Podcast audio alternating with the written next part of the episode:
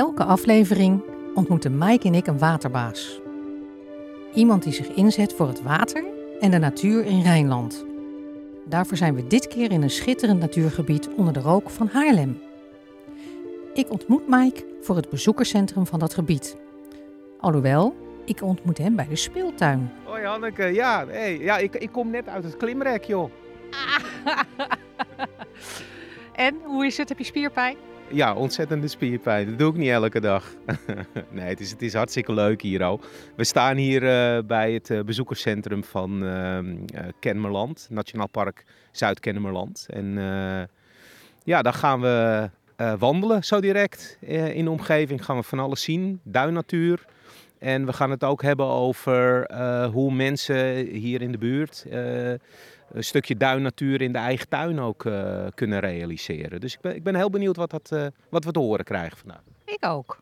Zullen we even binnenkijken? Ja, lijkt, lijkt me leuk. Uh, binnen is een hele interessante tentoonstelling te zien over nou ja, allerlei natuur en hier in de duinen. Dus laten we kijken.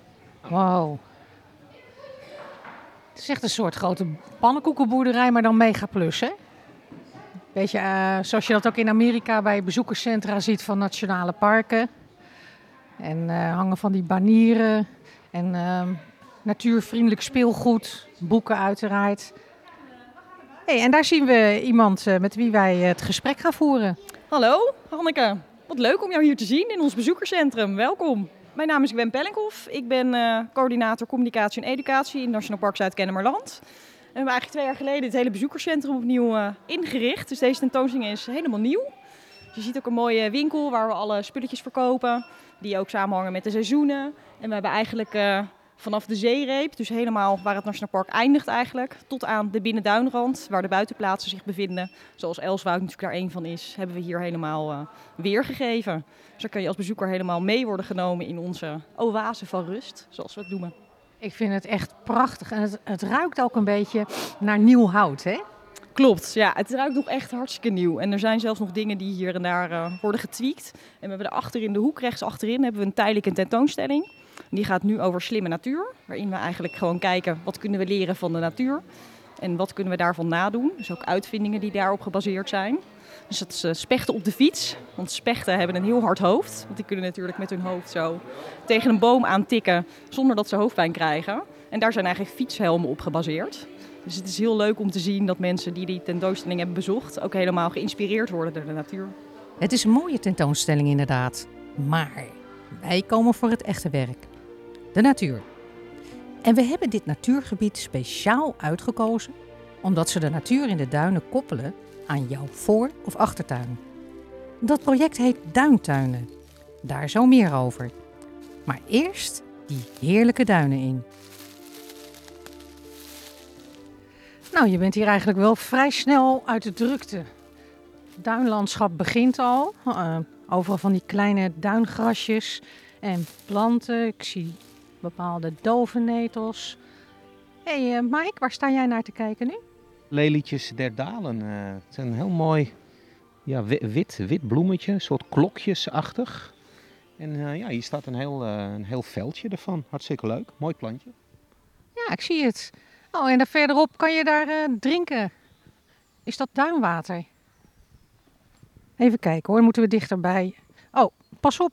Allemaal van die omgevallen oude boomstronken. Je mag hier niet te veel naar boven kijken, want voor je het weet lig je hier op je plaat. Even zien hoor, wat, is dat, wat staat er op dat bordje? Stijn Konijn, wat is dit Gwen? Ja, dit is een van onze speurtochten. Stijn Konijn, heel populair onder de basisschoolleerlingen. Waarbij ze eigenlijk mee worden genomen door Stijn Konijn door het natuurgebied. En aan de hand van opdrachten leren ze allemaal uh, interessante weetjes over de natuur hier. Nou, wat een lief konijn. Jazeker. We hebben ook nog een spinnetje spikkel. Die is wat minder lief. Of tenminste, we hebben ook een spin gemaakt van hout. Voor de gottenkinderen? Uh, voor de gottenkinderen. Nee, het is echt voor de allerkleinste. Dus die gaat op zoek naar een huisje. Spinnetje spikkel.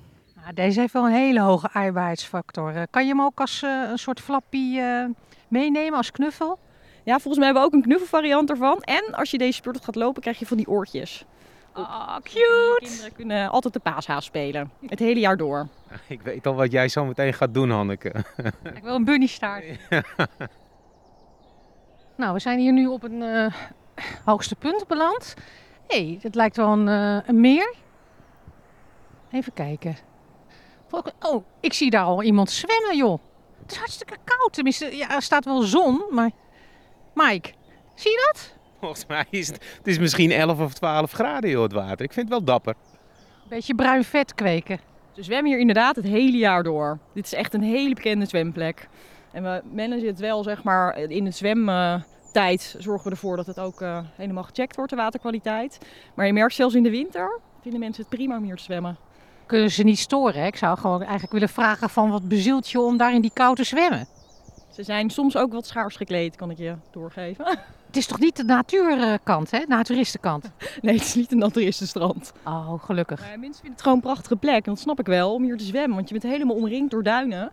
In een duinmeer. En het is natuurlijk nu ook wat rustiger, omdat het nog niet zo lekker weer is. Dus dan heb je echt een unieke rustervaring. Het is net of je ergens in het buitenland loopt, hè? En niet in een druk uh, bevolkt gedeelte van de Randstad. Nee, dat is wel grappig. Want we zitten inderdaad wel echt als urban park. Urban National Park zijn we echt ingesloten door Haarlem, IJmuiden en Zandvoort. En is het inderdaad een heel druk bezocht gebied. Want we hebben bijna 3 miljoen bezoekers op jaarbasis. Met corona heeft dat nog wel een extra zetje gegeven. Dus we worden, worden goed gevonden door de regio. Ja, ongelooflijk. Want als je denkt, uh, als je even die, die, temperatuur nu wegdenkt, dan zou je net zo goed hier ergens uh, in de middle of nowhere in Spanje kunnen zijn. Nou ja, precies. Het is natuurlijk wel unieke natuur hier. Een heel andere natuur dan in Spanje. Dus wat dat betreft zul je de meidoorn uh, denk ik niet snel in Spanje terugvinden. En dit is een heel kalkrijke grond. Ook een beetje voedingsarm. Dus wat dat betreft zijn er natuurlijk wel enorm veel verschillen. Dan heb je hier wel echt lokaal inheemse planten die hier dan echt specifiek terugkomen. En niet bijvoorbeeld in Spanje. Wat maakt die natuur hier zo bijzonder? Kan je dat uh, een beetje uitleggen? Vroeger werd hier heel veel water gewonnen. En zijn ze op een gegeven moment mee gestopt. En daardoor is eigenlijk de natuur van vroeger weer teruggekomen. En zijn de natte duinvalleien weer gevormd. Dan heb je zoiets als watermunt, maar ook bijvoorbeeld een heel bijzonder plantje, de Parnassia. Staat ook in ons logo. Dat is echt een unieke bloem die eigenlijk op heel weinig plekken voorkomt. En hier schieten ze als paddenstoelen uit de grond in juli, augustus. En staat het hele duinmeer hier straks uh, in bloei met allemaal witte bloemetjes. Dus het is, ja, het is heel bijzonder dat hier toch weer, doordat de waterwinning gestopt is, een heleboel plantjes en, uh, van vroeger weer terug zijn gekomen. Dus het is een heel divers gebied. En je merkt ook dat mensen in deze regio, ja, 80% komt gewoon echt uit een straal van 10 kilometer hieromheen. Dus het is eigenlijk gewoon hun duintuin waar ze graag in, uh, in recreëren. Dus nou ja, vandaar dat we ook met Duintuinenproject zijn begonnen. Juist om die verbinding te leggen tussen het Nationaal Park en andere gebieden.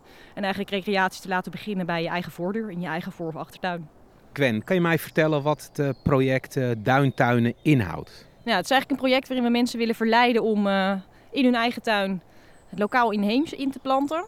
En het is eigenlijk gebaseerd op drie pijlers die we willen nastreven. De eerste is het verhogen van de lokale biodiversiteit. Um, daarnaast ook het klimaatadaptatiedeel. Dat we natuurlijk willen dat mensen hun tuin klimaatadaptiever maken. Dat kan door het toevoegen van groen. Want die werken ook als een soort airco. Dus als je meer groen toevoegt, dan heb je echt een paar graden verschil in je tuin. Ten opzichte van, ik noem maar kunstgras.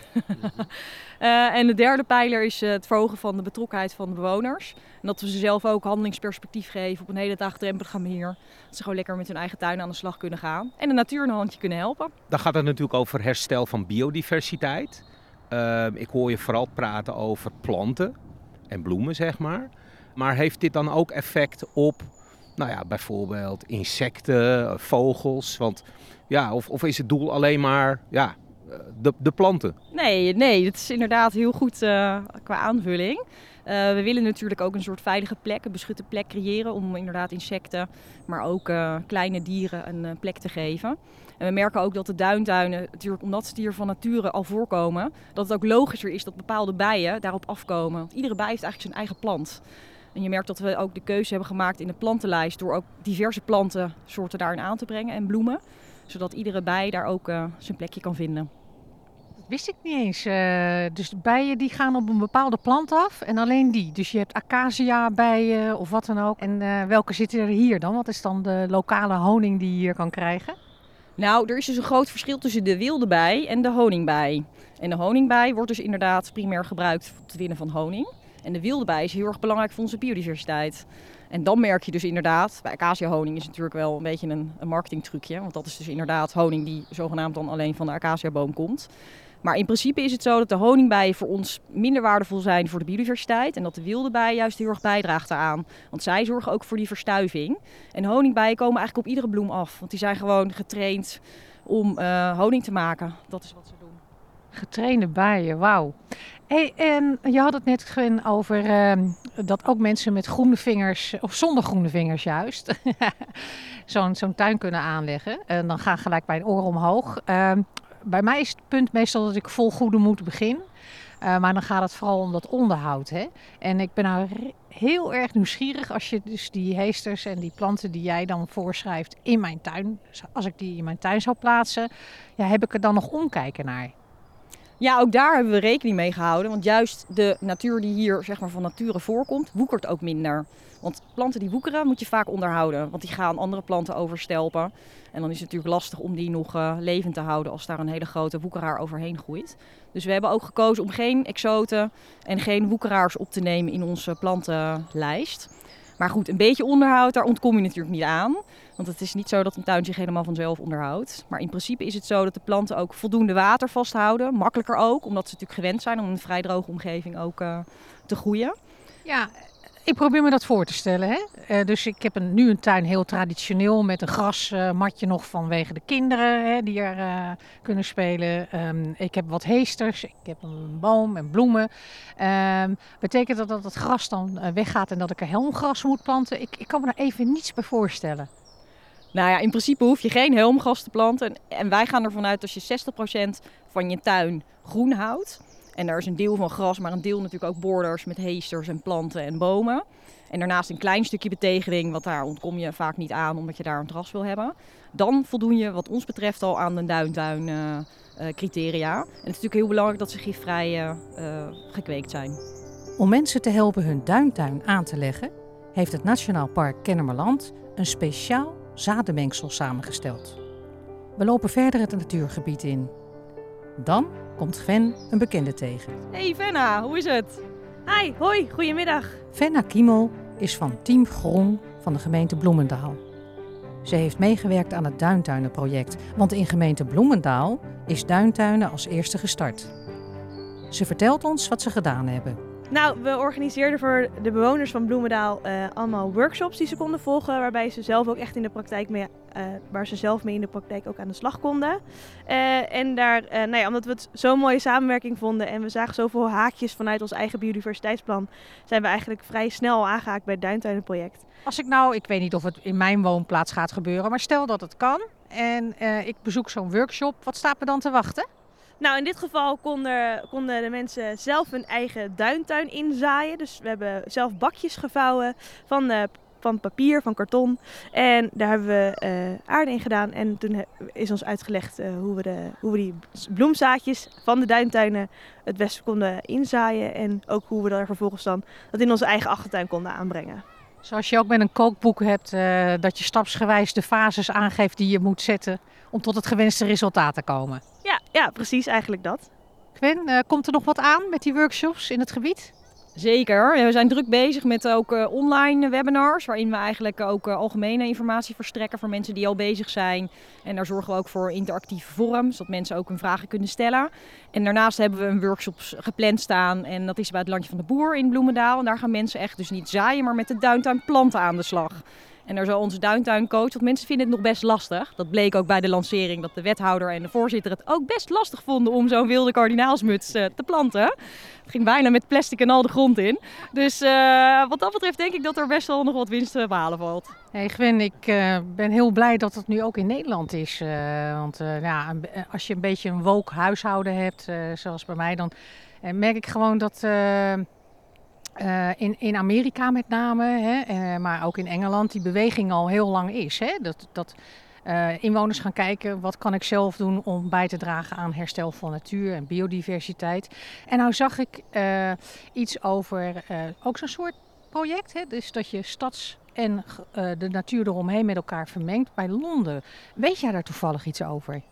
Ja, het is heel grappig. In Londen hebben ze eigenlijk heel London area, city area, gebombardeerd tot National Park. Wat natuurlijk heel grappig is, want het is een ontzettend urban en druk bevolkt gebied. Maar ze willen eigenlijk daarmee ook de greener cities, want dat is eigenlijk waar je op doelt, die beweging, willen ze ook wat, wat steviger neer gaan zetten. Waarbij ze eigenlijk de nationale of eigenlijk de centrale parken daar eh, ook als onderdeel van het Nationaal Park laten zijn. En ook de bewoners en bedrijven willen overtuigen om ook hun uh, terreinen en tuinen te vergroenen. Dus iedereen is een National Park Creator. En dat is ook iets wat wij wel uh, onderstrepen als National Park. Zou dat er ooit nog van komen, denk je? Dat wij hier allemaal National Park inwoners hebben?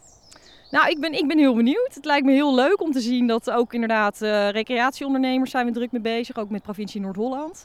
Dat die ook voorbeeldtuinen gaan creëren. Daar komen natuurlijk ook veel omwonenden om daar uh, een drankje te doen of een rondje te lopen of een hapje te eten. Dat die ook een duintuinconcept uh, daar hebben staan. Zodat bewoners daardoor ook geïnspireerd kunnen raken.